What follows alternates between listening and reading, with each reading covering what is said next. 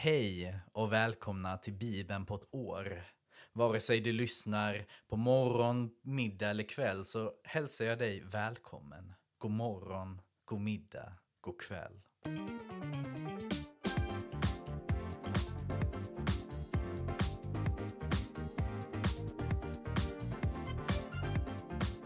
Vi börjar med att be.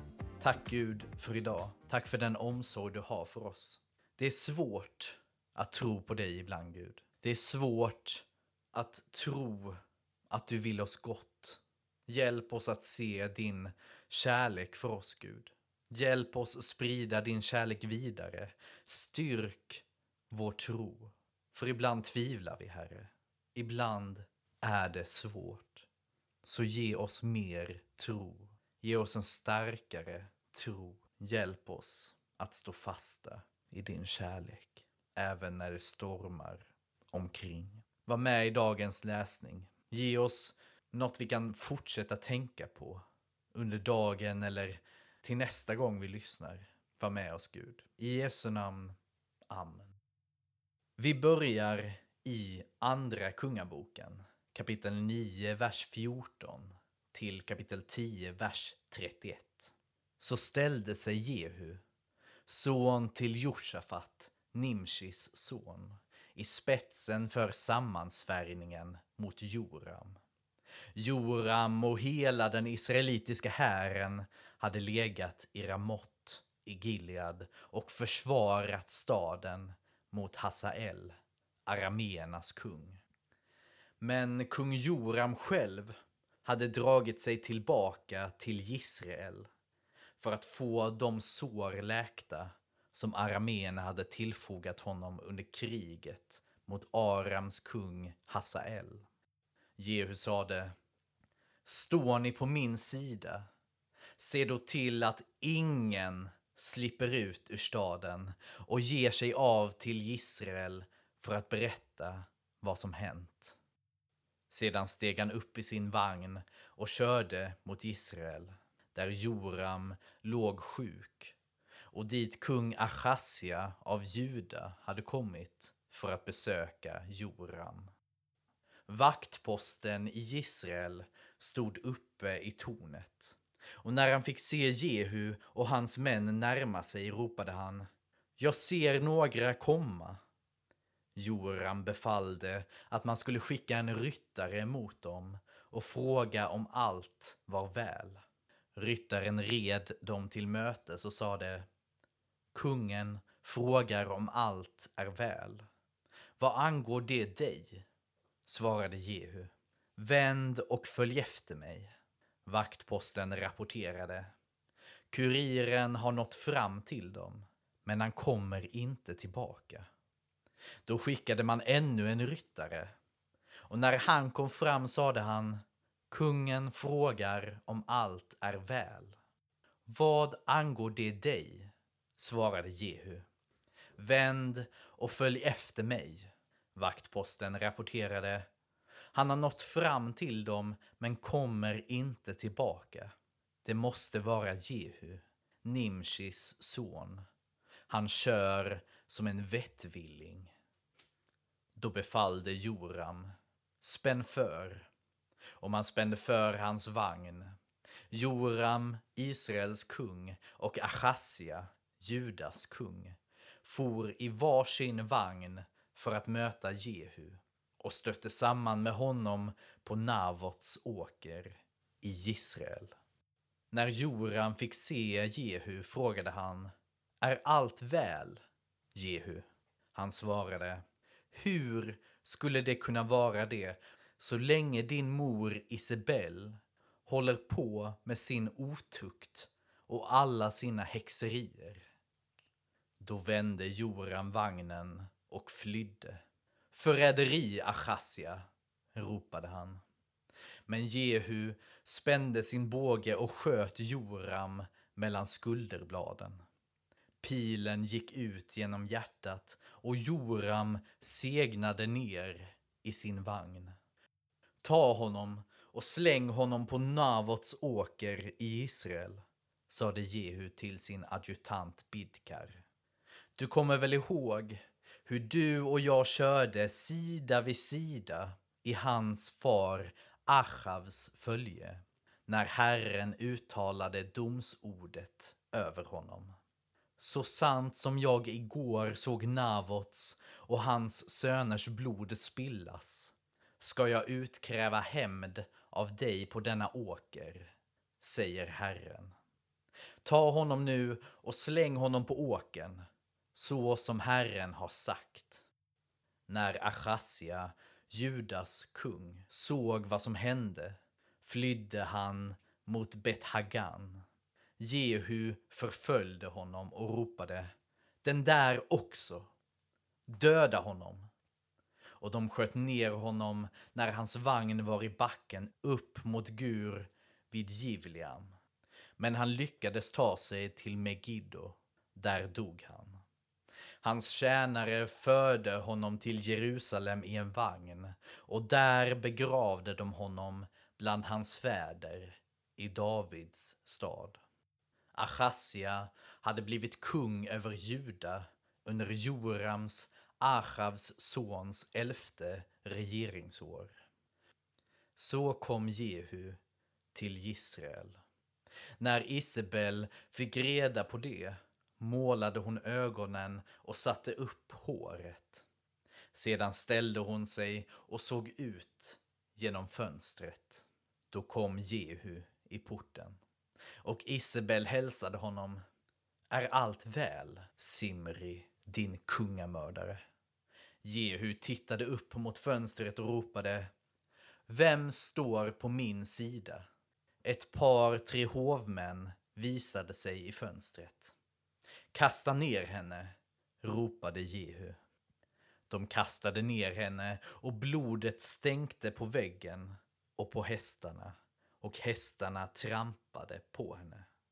Jehu gick in och åt och drack. Sedan befallde han, ta hand om henne, denna förbannade kvinna, och begrav henne. Hon var en konungs dotter. Men när de kom för att begrava henne fann de inte mer av henne än skallen, fötterna och händerna. De gick tillbaka och talade om det för Jehu och då sade han, det är Herrens ord som har fullbordats. Det ord han talade genom sin tjänare Elia från Tishbe. På Israels mark ska hundarna äta Isabels kött. Och hennes lik ska bli till gödsel på Israels mark. Ingen ska kunna säga detta var Isabel. Achav hade 70 söner i Samaria. Jehu skrev brev som han skickade till stadens styresmän, till de äldste och till förmyndarna för Achavs söner. Han skrev ni har er herres söner hos er. Ni har också vagnar och hästar, en befäst stad och vapen. När ni nu mottar detta brev ska ni därför välja ut den som är bäst och lämpligast bland er herres söner och sätta honom på hans faders tron och kämpa för er herres ett. De blev förfärade och tänkte om två kungar inte kunde hålla stånd mot honom, hur skulle då vi kunna det? förvaltaren över de kungliga egendomarna, statskommendanten. De äldste och förmyndarna svarade därför Jehu. Vi är dina tjänare och ska göra allt du befaller oss. Vi tänker inte utse någon till kung. Gör vad du finner bäst. Då skrev Jehu ett nytt brev till dem. Om ni står på min sida och vill lyssna till mig, så ta med er huvudena av er herres söner och kom till mig i Israel imorgon. De sjuttio kungasönerna bodde hos de stormän i staden som hade hand om deras uppfostran. När brevet kom fram grep man kungasönerna och halshögg dem. Alla sjuttio. Huvudena lades i korgar och sedan skickades de till Jehu i Israel. Ett sändebud kom och berättade för Jehu att kungasönernas huvuden hade förts dit. Då befallde han, lägg dem i två högar utanför stadsporten tills imorgon. Nästa morgon gick han ut och ställde sig där och sade till folket, ni är utan skuld. Det är jag som har satt mig upp mot min herre och dräpt honom. Men vem har dödat alla dessa? Ni märker att vartenda ord besannas som Herren har uttalat över Achavs ett. Han har utfört vad han har sagt genom sin tjänare Elia. Och Jehu dödade alla som var kvar av Achavs ett i Israel och alla hans stormän, hans förtrogna och hans präster. Inte en enda slapp undan. Jehu for nu till Samaria. På vägen dit, i Bet-Eked Haroim, mötte han anförvanter till Achasia, kungen av Juda. Han frågade dem vilka de var och de svarade Vi är släkt med Achasia och har kommit för att besöka kungasönerna och kungamoderns söner. Grip dem levande, befallde Jehu, och man grep dem. Sedan slog man ihjäl dem vid brunnen i Beteked, allt som allt, 42 man. Han skonade inte en enda. När Jehu sedan fortsatte därifrån kom Jonadav, Rekavs son, emot honom. Jehu hälsade honom och frågade Kan jag lita på din vänskap? Så som du kan lita på min? Jonadav svarade Ja, det kan du. I så fall räck mig din hand. Jonadav räckte honom handen och Jehu hjälpte honom upp i vagnen. Följ med mig och se hur hängivet jag kämpar för Herren, sade Jehu. Och så fick Jonadav följa med i vagnen. När Jehu var framme i Samaria dödade han alla som fanns kvar där av Achavs ett, tills den var helt utrotad, i enlighet med Herrens ord till Elia. Jehu samlade hela folket och sade Achav dyrkade Baal litet. Jehu ska dyrka honom mycket. Kalla nu hit alla Baals profeter, alla som dyrkar honom och alla hans präster. Ingen får utebli. För jag tänker fira med en stor offerfest till Baals ära. Den som uteblir ska mista livet. Men detta var en list som Jehu använde för att kunna utplåna dem som dyrkade Baal. Han befallde att man skulle utlysa en helig högtidssamling till Baals ära och det gjorde man. Jehu skickade bud runt hela Israel och alla Baalstyrkarna kom. Ingen enda uteblev. De gick in i Baals tempel och fyllde det från ena änden till den andra. Föreståndaren för klädkammaren fick befallning av Jehu att ta fram kläder åt alla Baalstyrkarna. När han gjort detta kom Jehu tillsammans med Jonadav, Rekavs son, till Baals tempel. Han uppmanade Baalstyrkarna att noga se sig om och förvissa sig om att ingen som dyrkade Herren fanns bland dem, utan bara Baalstyrkare. Så gick de för att frambära slaktoffren och brännoffren, men Jehu hade ställt 80 man utanför templet och sagt till dem Jag lämnar dessa människor i ert våld.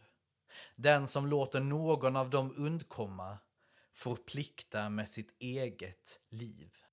Då Jehu hade framburit brännoffret sade han till gardet och drabanterna. Kom och hugg ner dem. Låt ingen slippa ut. Då högg de ner dem och kastade undan dem. Sedan gick de in i det inre av Baalstemplet och bar ut stoden därifrån och brände den. Baals altare rev de ner. Ja, de rev hela Baalstemplet och gjorde det till avträde, vilket det är än idag. Så fördrev Jehu Baal från Israel. Men de synder som Jerobeam, Nevats son, hade förlett israeliterna till övergav han inte. Guldkalvarna i Betel och Dan. Herren sade till Jehu, eftersom du så lydigt har rättat dig efter min vilja och utfört allt det jag beslutat i fråga om Achavs ett, ska dina ättlingar in till fjärde led sitta på Israels tron. Men Jehu bemödade sig inte om att efterleva Herrens, Israels Guds lag, av hela sitt hjärta. Han övergav inte de synder som Jerobeam hade förlett Israel till. Ja, här var mycket, mycket, mycket, mycket död.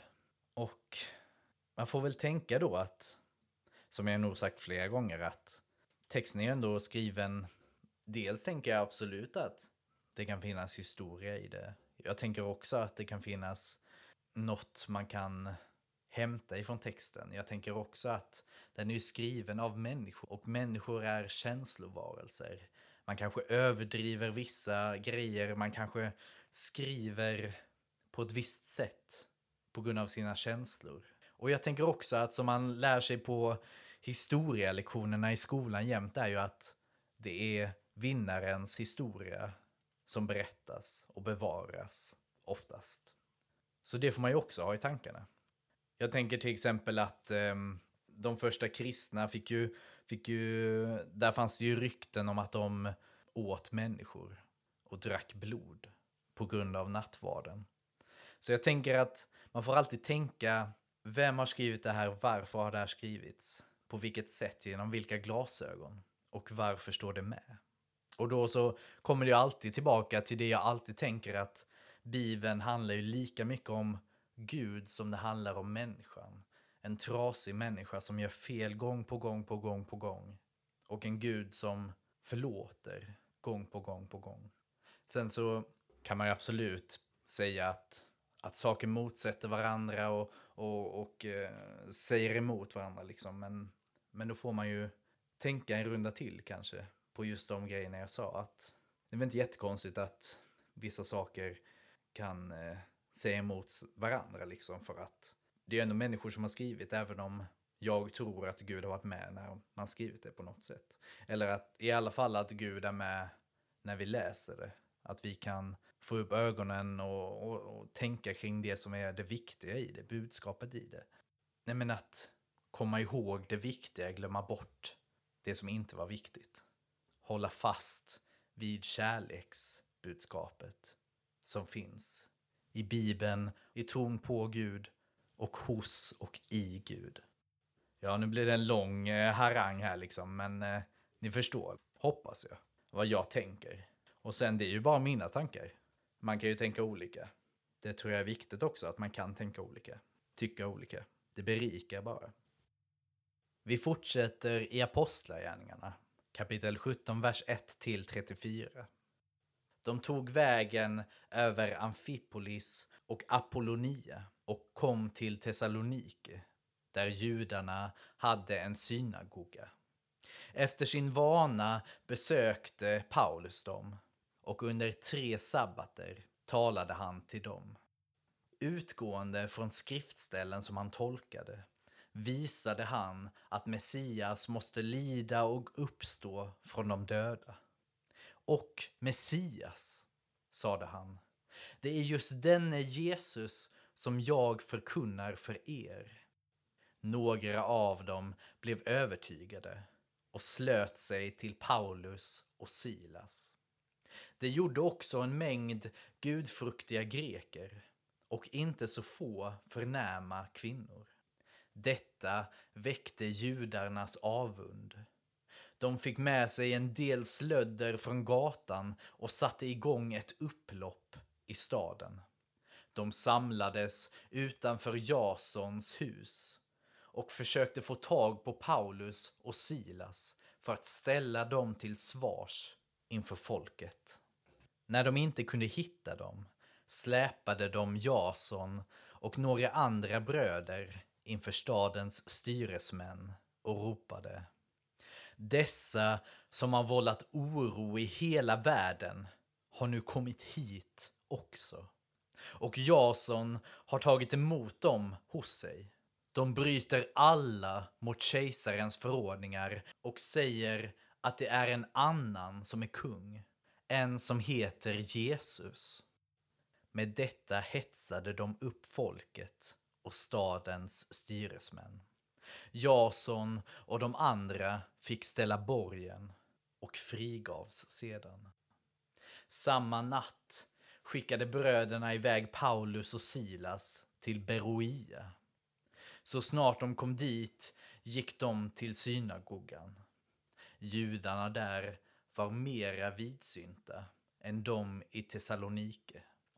De tog emot ordet med stor beredvillighet och forskade dagligen i skrifterna för att se om allt detta stämde. Många av dem kom till tro, liksom åtskilliga ansedda grekiska kvinnor och män.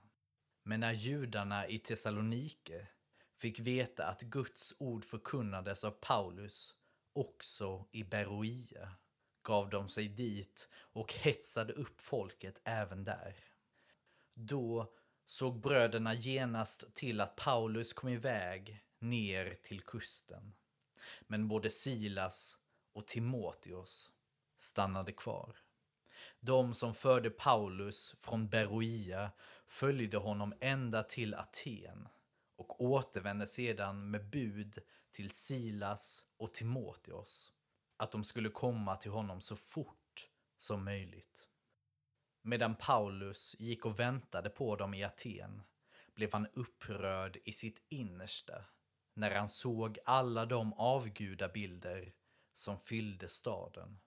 Han talade i synagogan till judarna och de gudfruktiga och på torget var dag till de som uppehöll sig där. En del filosofer, både epikuréer och stoiker, inlät sig då i diskussion med honom. Några sade, vad är det för visdomskorn den där har snappat upp? Vart vill han komma?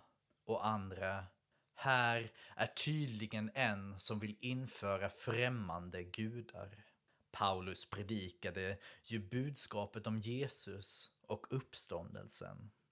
De tog honom med sig till Areopagen och sade Kan vi få reda på vad det är för en ny lära du förkunnar?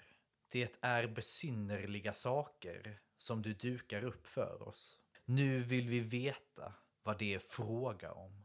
Atenarna, liksom de främlingar som bodde i staden, ägnade nämligen all sin tid åt att tala om och lyssna på det som var nytt för dagen. Paulus steg fram inför areopagen och sade Atenare, jag ser av allt att ni är mycket noga med religiösa ting. När jag har gått omkring och sett på era gudabilder har jag nämligen också upptäckt ett altare med inskriften åt en okänd gud. Det som ni alltså dyrkar utan att känna till, det är vad jag förkunnar för er. Gud som har skapat världen och allt den rymmer, han som är herre över himmel och jord, bor inte i tempel som är byggda av människohand. Inte heller låter han betjäna sig av människohänder som om han behövde något. Han som själv ger alla liv och anda och allt. Av en enda människa har han skapat alla folk.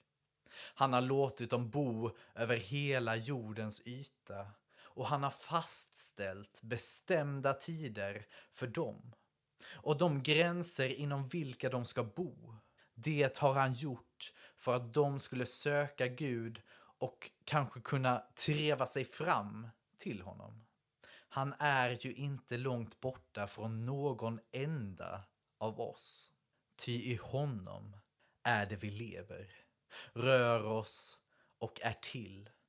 Som också några av era egna skalder har sagt. Vi har vårt ursprung i honom. När vi nu har vårt ursprung i Gud, då får vi inte föreställa oss det gudomliga som något av guld eller silver eller sten. Som något en människa har format efter sina idéer och med sin konstfärdighet. En lång tid har Gud haft överseende med okunnigheten. Men nu ålägger han människorna, alla och överallt, att omvända sig. Ty han har fastställt en dag då han ska döma världen med rättfärdighet genom en man som han i förväg har bestämt därtill. Det har han bekräftat för alla människor genom att låta honom uppstå från de döda. När Paulus nämnde uppståndelsen från de döda var det några som gjorde sig lustiga, men andra sade Vi vill höra dig tala mera om detta en annan gång. Därmed lämnade han de församlade. Det var dock några som slöt sig till honom och kom till tro, bland dem Dionysios, som var medlem av Areopagen, och en kvinna vid namn Damaris, och några till. Ja, vilken passion han hade när han stod där och pratade inför folket. Vi fortsätter i Saltaren 144 av David. Lovad vare Herren, min klippa.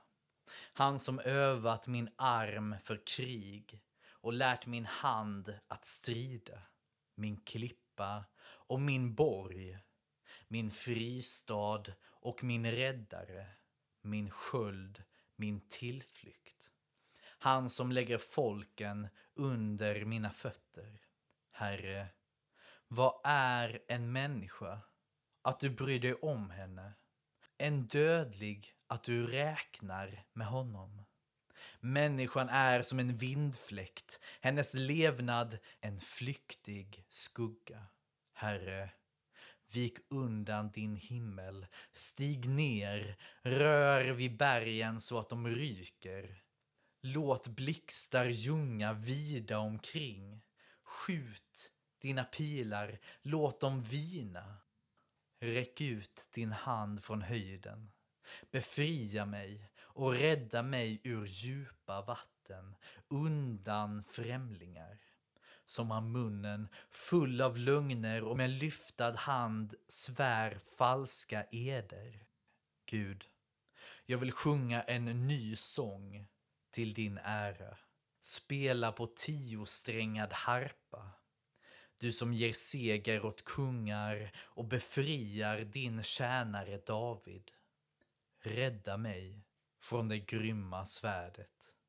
Befria mig från främlingar som har munnen full av lögner och med lyftad hand svär falska eder. Våra söner är som växande plantor i blomman av sin ålder. Våra döttrar är som pelare skulpterade för palats. Våra förråd är fulla, de rymmer föda av alla slag.